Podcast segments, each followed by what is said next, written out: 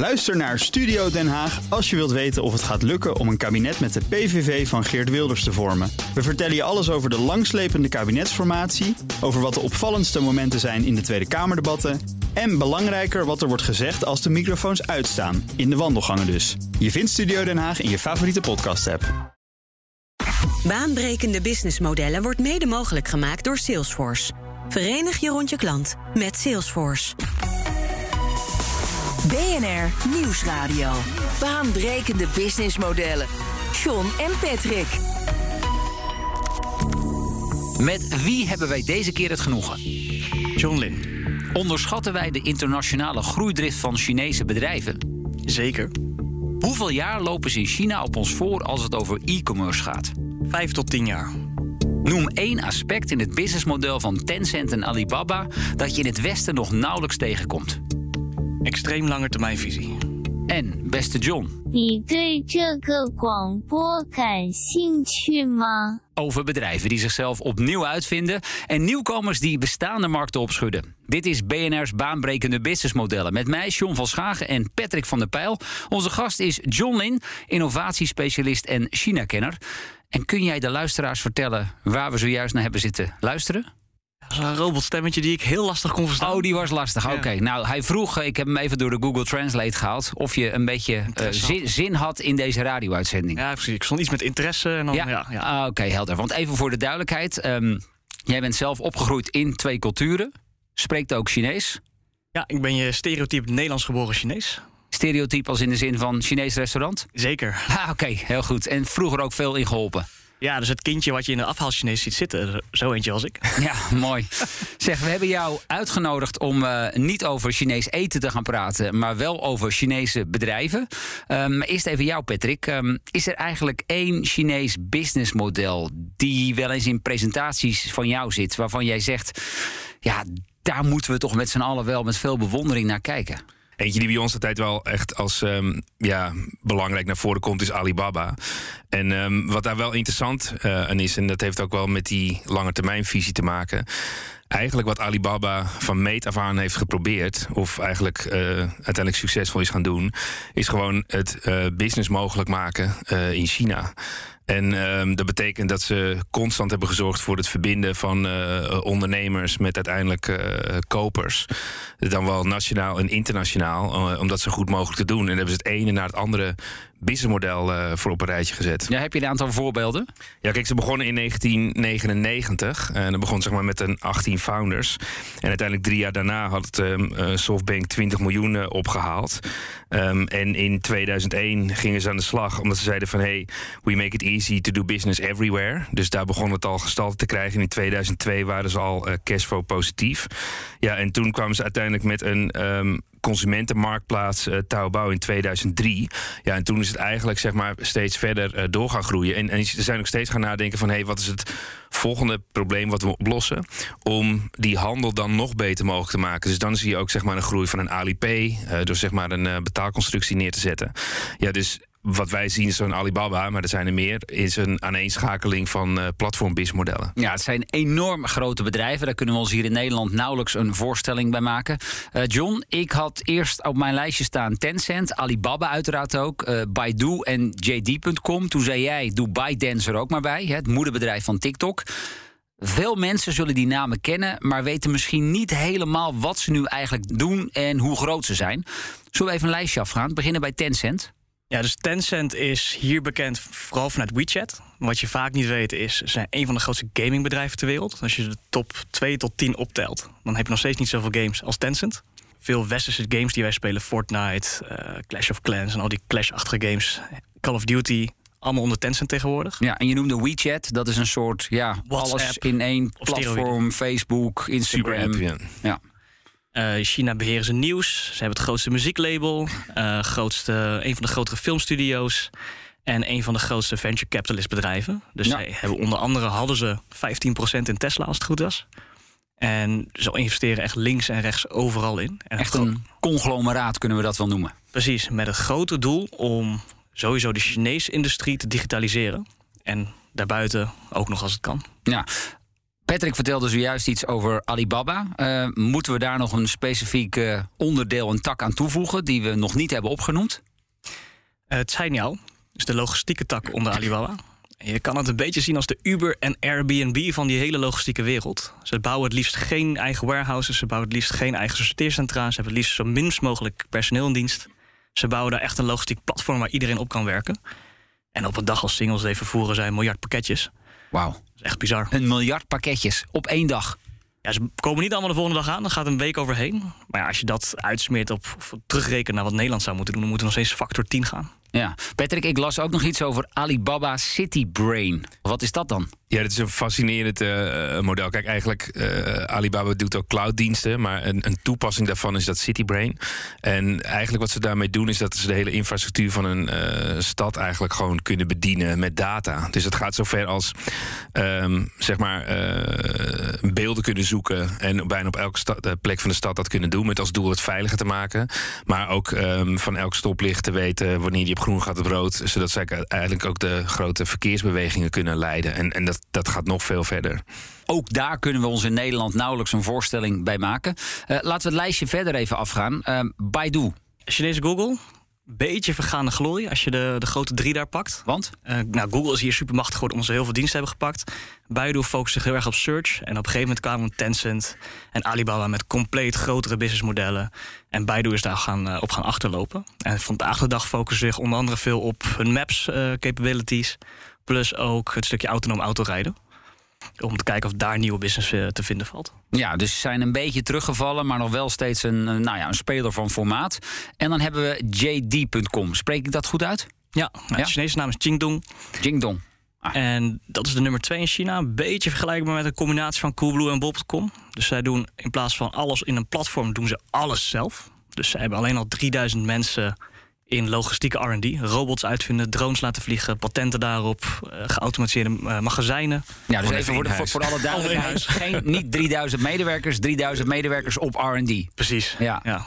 Wauw. Um, en, en dat is dus, zeg jij, dat is een soort Chinese Coolblue, soort Chinese bol.com, alles in één soort veelvraat op het gebied van e-commerce. Precies. En extreem die eigen logistiek helemaal in eigen hand hebben. En dat doet niemand hier, behalve Amazon, als je dat een beetje kan vergelijken.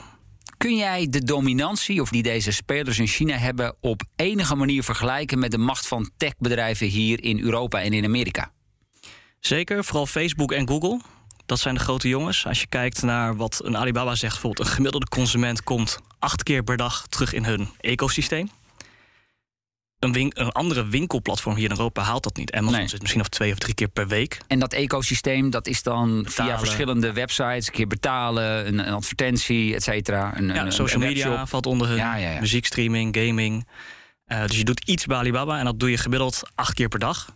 En er is in het Westen weinig wat erop lijkt, behalve Facebook, als je WhatsApp meetelt, dat je zo vaak bij één bedrijf terugkomt en dat zij data van jou kunnen verzamelen. En dan zou je kunnen denken dat er geen ruimte voor is voor nieuwe spelers. Maar opvallend genoeg zag ik dat enkele jaren geleden er een nieuwe club kwam op het gebied van e-commerce. Ik kan de naam even niet uitspreken, dus dat mag je zelf doen. Pintoto. Ja, die inderdaad. En wel heel opvallend businessmodel, moet ik zeggen. Ja, dus wij denken hier vaak in het Westen... hey, eh, winner takes all in de e-commerce markt. Twee grote jongens, of juist in die techmarkt. Dus daar kom je niet meer tegenop. Maar China is juist het mooie voorbeeld geweest dat Pintodo... dat is een Nederlandse uitspraak, daar het wel gelukt is. Dus zij zijn niet een plek waar je heen gaat en je koopt iets. Je gaat erheen, je wil iets kopen. En dan moet jij 10, 20 vrienden uitnodigen om het ook te kopen. En dan mag je het gaan uh, afnemen voor 80, 90 procent korting. Maar dan is die korting alleen voor jou? Voor de hele groep. Voor de hele groep? Ja, want het zijn vaak restpartijen waar ze mee Ah, oké. Okay. Dus een soort action Groupon-achtig businessmodel. Aan de voorkant. Aan de achterkant zijn ze nog veel indrukwekkender. Uh, ze hebben eerst gefocust op de agriculture, gewoon de landbouw. Dus veel boeren die restpartijen hebben. En zij willen die boer direct verbinden aan die consument. Dus wat zij daar doen is ook de software ontwikkelen, gewoon het hele platform voor die boer om online te komen. En daarmee dat direct door te verbinden klant. En het is heel moeilijk voor een andere partij om daarop in te pluggen. Want die boer die draait op tools en software van uh, Pinto's platform. Ja. Zou je dat niet inderdaad dusdanig groot volume nodig hebben... Uh, dat het in Nederland of in de US misschien ook niet haalbaar... nou, misschien in de US nog wel haalbaar, dat soort restpartijen, um, wat nu door de andere partijen gewoon individueel wordt opgekocht. Um, en dat zeg maar door, door een community gedaan kan worden. Ja, dus het interessante is wat zij daar gedaan hebben, is die restpartij vervoeren is vaak lastig. Dus ze hebben daar een heel leuk logistiek model voor gemaakt. Dat bijvoorbeeld, eh, John, als jij, het, als jij het gekocht hebt met je vrienden, dan komt het ook allemaal bij jou thuis. Dus dan mag jij daarna uitdelen. Oh, dan mag ik het gaan fixen. Ah, oké. Ja, dat, dat, dat is lekker. Maar je krijgt daar wel een klein beetje vergoeding voor. Dus het is Ah, niet helemaal oké. gratis. Ja, maar eh, eh, wel flink marktaandeel inmiddels al. Ja, dus in drie, vier jaar tijd ongeveer 15 tot 18 procent. Dat is voor de Chinese markt. Dat praat je over gigantische aantallen natuurlijk. Miljarden, ja, miljard gebruikers. Ja, wauw. Groupon. Daar hebben we ook niet zo heel veel meer van gehoord, hè, Patrick? Nee. Geloof ik een jaar of tien geleden was dat ineens de next big thing, maar heeft het nooit gehaald. Ja, dus altijd dat eh, systeem waar je steeds aangeeft dat je geen mails meer wil ontvangen. Maar Ja, en je dat je ze blijft toch ze gewoon krijgt. ontvangen. Volgens mij bestaan ze nog wel. Ehm, John, als ik naar jouw verhaal luister, dan hoor ik vooral heel veel platformen. Platformen, platformen. Daar zijn de Chinezen geloof ik gek op. Ja, alles is platform. Dus het zit een beetje ook in de cultuur. Dus ze zeggen daar, Guangxi is het stukje netwerken met iemand, maar ook het netwerk hebben. Dus het zelfstandig naamwoord en het werkwoord tegelijk. En het leuke is, dat zit, dat krijg als kind bijgeleerd hoe je dat moet doen en hoe je netwerk moet bouwen. Maar het mooie is van een platform is dat precies hetzelfde. Je wil niet het zelf doen, je wil alleen het gaan faciliteren. Dus je ziet dat een Alibaba en Tencent dat gewoon helemaal in de core van hun, eh, van hun business hebben verwerkt. Om alleen maar te faciliteren en daarbij te helpen en daar uiteindelijk een stukje commissie op te pakken natuurlijk. Het is wel fascinerend dat je inderdaad dat zegt. Want het is cultureel gewoon heel anders dat je daar een platform bouwt dan in het Westen. Alleen wat jij net zei van nee, dit wordt met de paplepel ingegoten, ook in de opvoeding. Kan je daar een voorbeeld van geven? Ja, dus mijn vader zegt altijd van... hey, eh, dit is een zakenpartner van mij. Die heeft goed, mij goed geholpen vroeger, goed voor mij gezorgd. Dus eh, jij moet zijn zoon ook gaan helpen. Ja? Als, eh, als die bijvoorbeeld hier komt studeren of noem maar Ah, oké. Ja, ja, Dus het gaat zelfs door de generaties heen. En eh, mijn oma, toen zij hierheen kwam, had ze helemaal niks. Zo, ja, eh, immigrantenfamilie. En toen eh, is er een andere Chinese familie... die heeft haar geholpen om hier alles op te zetten. En elk jaar rijd ik mijn oma daarheen... om eh, flessen wijn cadeau te geven. Om even één keer per jaar eh, weer gewoon dankbaar te zijn. Omdat die relatie daar ligt, die connectie. Dat is dus echt een cultuurding. Ja, daar kan je niet tegenop. Nee, daar kun je zeker niet tegenop. Zeg, ehm, laten we even inzoomen op die verschillen met businessmodellen die wij hier in Nederland zien. Ehm, we zien op de eerste plaats dat bedrijven in China heel zwaar inzetten op influencers. Ja, Hoe, hoe werkt dat daar? Dus daar noemen ze dat KOL's, dus Key Opinion Leaders. In onze naam dus een influencer.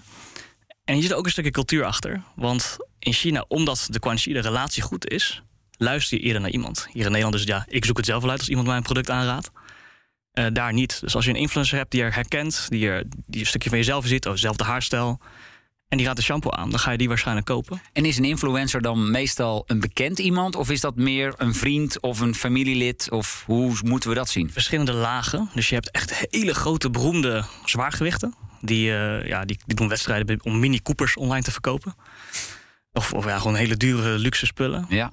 En op een gegeven moment ga je steeds verder omlaag. Dus je hebt micro-influencers en sommige met hele specifieke niches. Eh, het kan familie zijn, maar doorgaans zijn het gewoon mensen die je online volgt. Het kunnen ook gamers zijn. Het, is, het zit overal. Zeg je daarmee in feite ook dat wat ze daar in China hebben, dat ze zo zwaar leunen op die influencers, dat dat in Nederland minder snel mogelijk is, omdat wij ja, een tikkeltje eigenwijzer zijn en toch liever naar onszelf luisteren? Ja, dus cultureel is het hier iets lastiger om dat voor elkaar te krijgen. Al kijk ik, als ik nu naar mijn nichtjes kijk... die eh, net naar de, ja, naar de basisschool gaan... die zitten alleen maar op YouTube mensen te volgen... die kijken liever hoe iemand gamet dan zelf te gamen. Ja. Ja, ik denk dat zij zo meteen een stuk vatbaarder zullen zijn... voor de meningen van de mensen waarnaar zij kijken... dan ja, de vorige generatie. Het aantal touchpoints, dat is ook een stuk hoger. Eh, daar vertelde je zojuist, eh, zojuist al even iets over. Waar en hoe proberen die Chinese bedrijven die consument zoal vast te pakken? Als je in China weet je, rondloopt... bij de koffiemachine, in de metro, in de lift hangen schermen... Koffiemachine, ja inderdaad. Een scherm met Eh, met reclames. Ja, en eh, die kunnen gepersonaliseerd zijn op basis van jouw data. En als je dan. ja, e- even wachten, eh, want dan kom ik, dan lekker kopje koffie, s morgens om half tien. Ik loop naar een vendingmachine op straat Ja. bijvoorbeeld. Hoe weet die dan dat ik dat ben? nou, je wil betalen, dus dan scan je met Alipay of WeChat Pay. En dan in die transactie is niet alleen geld wat je overstuurt, je identificeert jezelf ook. Dus dan kan zo'n apparaat al zeggen: hé, hey, ik ken jou. En jij vindt dit en dit waarschijnlijk interessant. Zo ver gaat dat. En dan is natuurlijk de grote vraag, ja, hier in Nederland zitten we met allerlei privacy aspecten. Zal dat minder snel mogelijk zijn? Maar in China vinden ze dit de normaalste zaak van de wereld. Nou, het grappige is, in China heb je die privacywetten ook. Wij hebben het hier over de GDPR of de AVG. Daar hebben ze sinds de afgelopen jaren de PIPPEL eh, geïntroduceerd. En die is minstens zo streng als wat we in Europa hebben. Plus nog een stukje Amerikaanse saus erbij met de Patriot Act die ze erin verwerkt hebben. Dus de Chinese overheid moet altijd overal bij kunnen. En binnen Alipay kan ik netjes zien wie, welk bedrijf, welke toepassing ik toestemming heb gegeven tot mijn data. En dan kan ik dat intrekken. Probeer dat maar eens een keer binnen Facebook of Google te vinden wie jij toestemming hebt gegeven. En hoe je dat wil intrekken. Dat is veel lastiger. Je kunt nagaan en dan verdenken we dat de Chinese partijen daar uh, schimmig over doen, terwijl het uh, niet zo is. Ja, de andere van de week deed ik boodschappen en, um, met die scanner bij, uh, bij Albert Heijn. Ja, en die gaf ook gewoon aan, Patrick, dit is de bonusaanbieding. Dus het gebeurt wel, alleen niet in de omvang ehm, zoals je dat inderdaad, zoals jij dat aangeeft. Maar misschien ook wel als je kijkt naar de gemiddeld andere bedrijven in Nederland, die zijn natuurlijk nou, lang niet zo gedigitaliseerd. BNR Nieuwsradio. Baanbrekende businessmodellen. Met deze keer het businessmodel van Chinese techreuzen. Bedrijven als Tencent, Baidu en Alibaba dus. Zometeen meer, maar eerst Patrick, eh, ik moet je even een verhaal vertellen. Mijn dochter werd vorige week zes. Uh, we wisten niet zo goed wat we voor haar wilden kopen. Uh, wij naar de website van Exit Toys. Um, daar kochten wij een basketnetje uh, plus een bal, zodat we die aan de trampoline zouden kunnen hangen. die kwam binnen, alleen ja, we pakten hem uit. Het formaat viel een klein beetje tegen. Was toch allemaal een stuk minder groot dan, ik, dan ik dacht. En we waren er eigenlijk heel snel uit. Er wordt een retourzending. Nou, ik moet eerlijk zeggen, die website had dat goed voor elkaar. Een paar keer klikken. Dat was eigenlijk zo geregeld. Maar toen kreeg ik twee dagen later een bericht. Um, bedrag komt retour. Je mag het product alleen houden. En toen dacht ik, huh? Dus ik heb ze nog even uit een soort van goed fatsoen gemaild van... hey, uh, klopt dit wel? En toen werd ik teruggemaild een dag later. Het blijkt dus dat zij de aankoop van iets boven de 50 euro... in dit geval te duur vinden om in retourproces te gooien. Met andere woorden, u krijgt uw geld terug en u mag het product houden. A, dit is toch niet houdbaar? En hoe moeten e-commerce bedrijven die retourzendingen nou goed regelen? Moeten ze daar bijvoorbeeld geld voor gaan vragen? Ja, nee, kijk, de eerste stap. Ik had niet verwacht dat je daar uh, dat bedrag voor had neergelegd. Toen jij dit vertelde, dacht ik, nou, dit is een paar tientjes. Maar het was dus wat iets meer geld. Ja, ik denk dat zij de afweging hebben gemaakt. Um, uh, op gebied van statistiek. van hoe vaak komt dit voor. En uh, gaan we die hessel dan aan. Dus dat betekent wel dat ze dit serieus nemen. Want dat ze in, in hun statistieken er wel van uit kunnen gaan. dat ze lagere toezendingen hebben. Um, en uiteindelijk is wel voor de lange termijn de vraag. ja, hoe gaan ze daar zelf mee om? En laten ze daar uiteindelijk voor betalen. Dus ja, dat heeft toch ook weer met de volumes te maken. Dus ik verwacht dat zij hier denken: dit komt relatief niet zo vaak voor. Uh, maar hou het maar, want het is gewoon gedoeg om, om dat weer helemaal uh, terug te gaan sturen. Ja. En dit kwam Exit, dat kwam uit. Exit Toys. Dat is wel een, een Nederlands bedrijf, althans het oogde allemaal heel, heel Nederlands. Hoe doen ze dat in China eigenlijk met die retourzendingen? Vragen ze daar geld voor? Grappig, ik heb twee jaar lang retourinnovaties gedaan. Ook in Nederland. Dus ik weet goed. John, zullen we even de expert vragen? Ja, nou, wat vind jij ervan, John? Ja, dus eh, retouren verwerken is inherent een dure business. En in, in Europa heb je de wet koop of afstand. Dus je moet iedereen 14 dagen verplicht uh, zichttermijn aanbieden. En elk bedrijf maakt de business case. Hoe duur is het om iets te verwerken? En wat, wat is ook de, de, hoe heet het, het percentage wat je opnieuw kan verkopen? Want dat is vaak het probleem. Tegelijkertijd is gratis retourneren een van de grootste conversieverhogers voor elke webshop. Dus je wil zoveel mogelijk verkopen. Dus retouren moet zo makkelijk mogelijk worden gemaakt. Dus je gaat ermee stunten. Je. mag een jaar lang retourneren omdat het uiteindelijk ook de conversie verhoogt. En dan vind je het prima. Dus het is een hele integrale business case. Hoe je als webshop je, uh, ja, je retourenpropositie neerzet. En het is helemaal prima om daar geld op te verliezen, zolang mensen maar meer kopen. En het verwerken van de retouren is ook nog een hele business op zich. Want je kan het laten opkopen. Dus dat is een optie. Je kan een klant een stuk laten houden. De tevreden klanten laat je dus gewoon houden. Want het scheelt voor de klant ook een stukje terugbrengen. Maar je wil niet dat de klant daar misbruik van gaat maken. Dus steeksproefsgewijs laat je dat terugkomen. Dus intern zitten er ook ratingen van... hey, deze consument heeft nog nooit bij ons gekocht. Komt retour, die neem ik dan retour om toekomstig risico te voorkomen. Maar als op een gegeven moment dat die weging zwaarder wordt... en dat doen ze op adres, op creditcardnummer... het is niet per se... Op. Dus als ik volgende week weer iets bestel en weer retour... Uh, willen ze waarschijnlijk terug hebben. Ja, daar kan ik me iets bij voorstellen. Nou, dan krijgen ze hem ook terug, hoor. Ja, logisch. Um, John Lin, laten we weer van retourzendingen teruggaan naar, uh, naar China... want daarvoor hebben we jou uh, uiteraard uitgenodigd. We hadden het over een aantal belangrijke verschillen... tussen businessmodellen die we hier in Nederland en Europa zien... ten opzichte van die in China. die scheiding tussen social en e-commerce... die je in Nederland toch nog wel vrij scherp ziet, die is in China helemaal weggevaagd. Hoe ziet dat? Ja, dus je hebt de grote e-commerce bedrijven daar die social bedrijven hebben gekocht.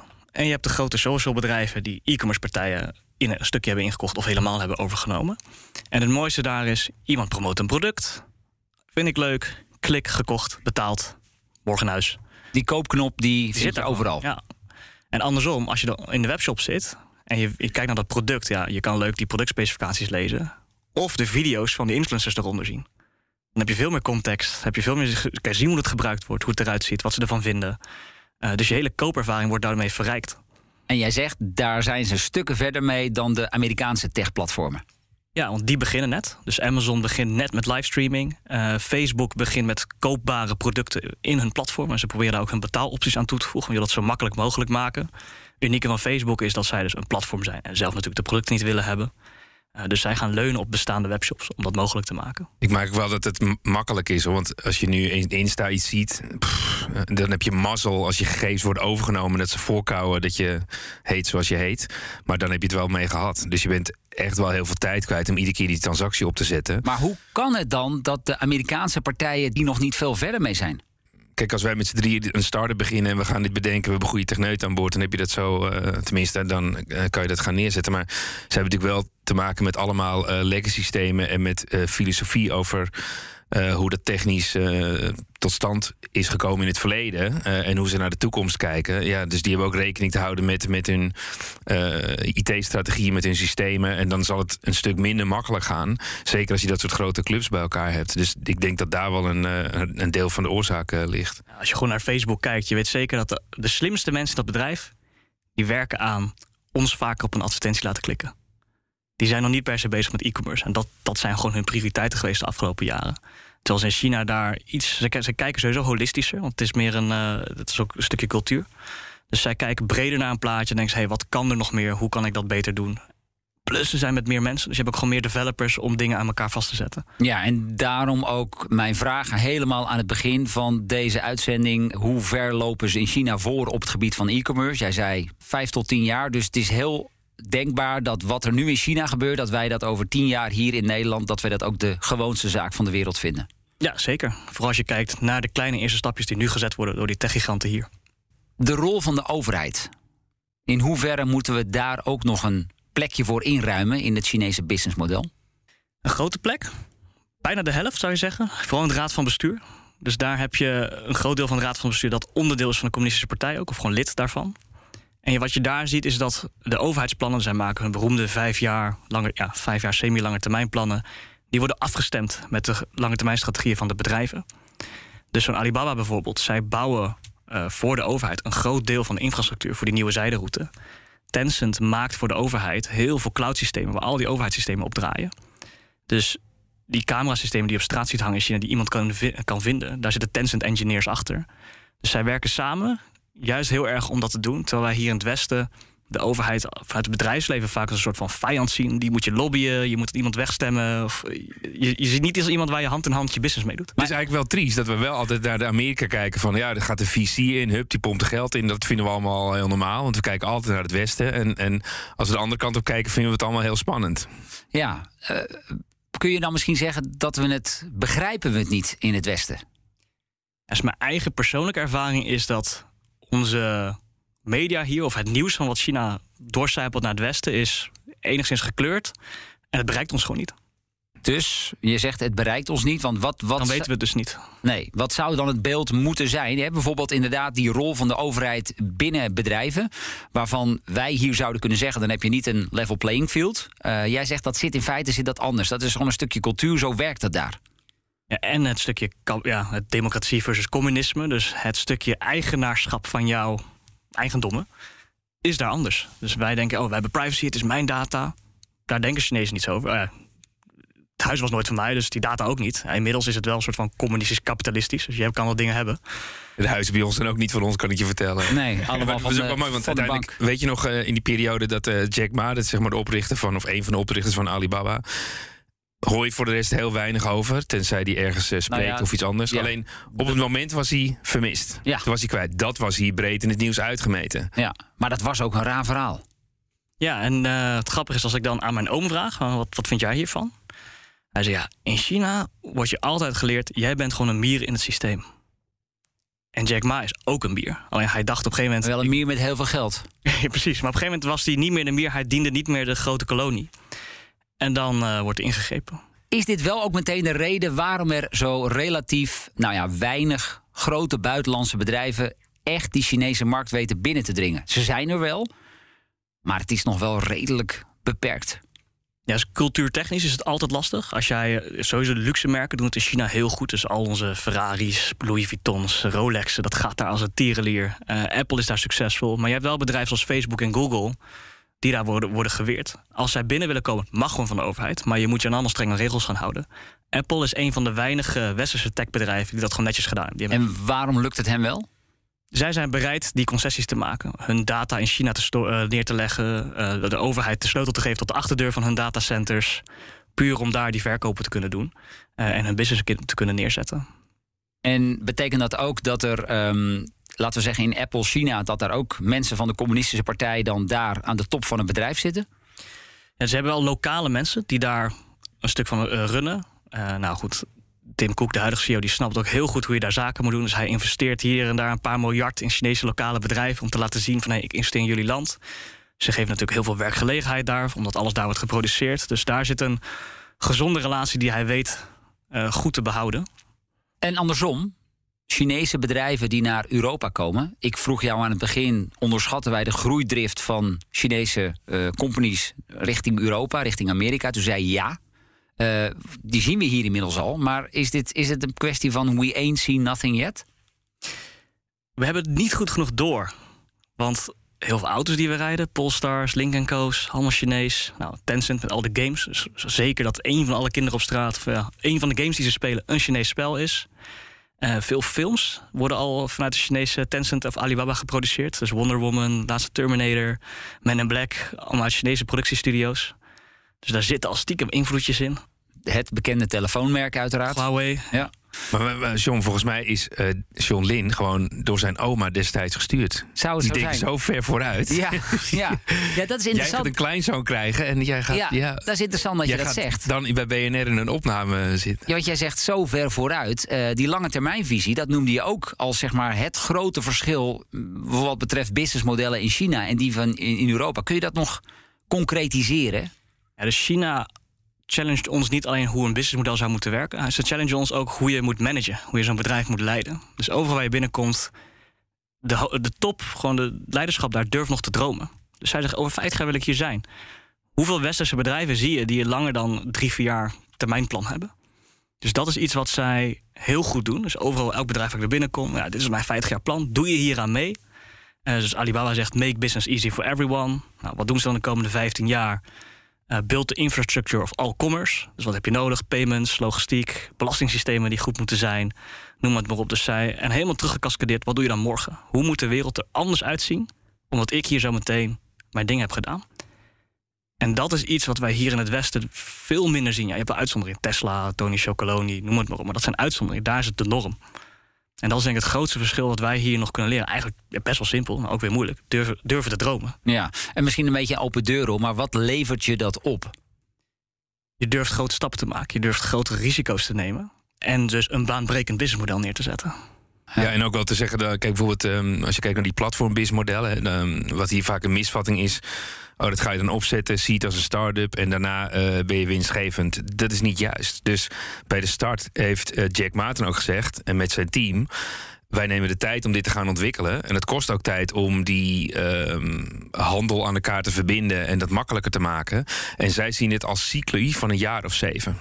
Nou, uh, pak hier een gemiddeld uh, nieuw platform-businessmodel. Dan willen we eigenlijk zeg maar in twee, drie jaar uh, dat het tegen de wand klotst. Of dat het in ieder geval succesvol gaat zijn. En zij hebben bewust daar de tijd voor genomen. En dan zie je ook bijvoorbeeld als je kijkt naar een, um, een Uber, of zeg maar de, de Amerikaanse modellen.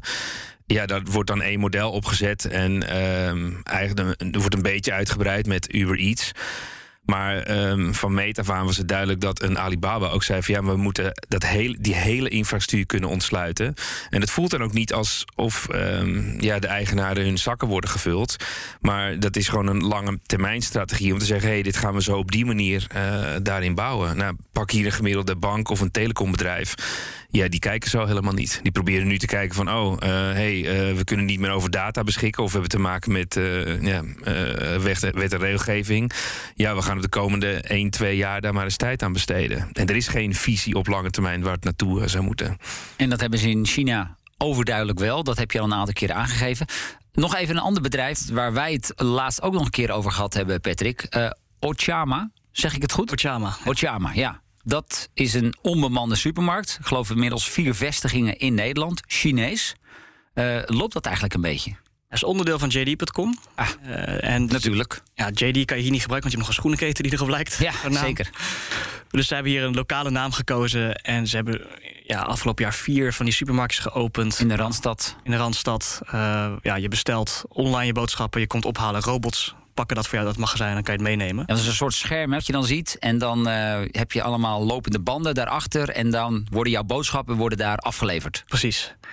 En ja, het zal uitdagend zijn in het begin. De Nederlandse consument snapt het niet. Wat gebeurt hier? Uh, het assortiment is waarschijnlijk nog niet helemaal compleet. Dus je kan niet alles daar nog kopen. Dus dat is allemaal opstartfase waar ze nog in zitten. Is dit in China overigens wel al gemeengoed? Ja, dus in China hebben ze meerdere varianten hiervan. Dus uh, JD heeft de China 7 Fresh als onderdeel. Dat is ook zo'n online-offline hybride supermarktmodel. En daar hebben ze een aantal honderd van staan daar. Uh, en het enge wat hiervan is, zij komen dus naar Nederland. Als je de app van Ochama opent en de app van Seven Fresh, ziet het bijna hetzelfde uit. Dus, dus qua architectuur copy-paste. Die robots die zij hier gebruiken, die hebben ze in China ook al lang uitgevonden. Dus het is ook niks nieuws voor hun. Dus dus puur neerzetten, proefballonnetje, uitproberen, kijken wat het werkt. Hoe moet je het aanpassen om het in de lokale cultuur te laten passen? En dan zien ze wel. Uh, en ze doen het in een paar landen wereldwijd tegelijk. Om te kijken hoe ze hun technologie in andere landen ook aan de man kunnen brengen. En wij zitten in die dark stores rennen met z'n allen in die donkere winkel om die boodschappen te gaan. Uh, Bijna geen mensen te krijgen natuurlijk. Ja, tot slot. Um, is China ons wat jou betreft al voorbij als het gaat om dit soort innovaties? Ja, volgens mij is het antwoord ja. Op digitaal vlak zeker. Uh, wat Europa nog wel heeft en Nederland is heel veel fundamentele onderzoek. Daar kijken ze nog echt naar op, naar ons. Dus uh, sowieso in de, in de kassenbouw en de voedsel, dat, dat is hier gewoon super. Uh, Nederland is een van de vier landen die daar ook op, ja, op, op, politiek niveau belangrijke gesprekken mag voeren. Dus er zijn een paar dingen die ze nog van ons nog steeds willen leren. Alleen daar moeten we opener voor staan om samen van elkaar te kunnen leren. Ja, en wat is wat jou betreft dan het grootste misverstand dat wij hier hebben over Chinese, nou ik noem het even techbedrijven? Dat, daar, dat ze ons kopiëren en dat daar goedkope troep vandaan komt. Dat is al lang niet meer zo. Nee, duidelijk. John Lin was dat over het businessmodel van Chinese techreuzen dus. Nou, Patrick en ik zijn er volgende week weer. En wil je voor die tijd al meer luisteren? Check dan ook onze andere afleveringen via bnr.nl, de BNR-app of je favoriete podcastplatform. Baanbrekende businessmodellen wordt mede mogelijk gemaakt door Salesforce. Verenig je rond je klant met Salesforce. Ook Harm Edens vind je in de BNR-app. Je kunt BNR Duurzaam niet alleen live luisteren in de app, maar ook terugluisteren als podcast, zoals al onze podcasts. En naast dat de BNR-app Breaking News meldt, houden we je ook op de hoogte van het laatste zakelijke nieuws. Download nu de gratis BNR-app en blijf scherp.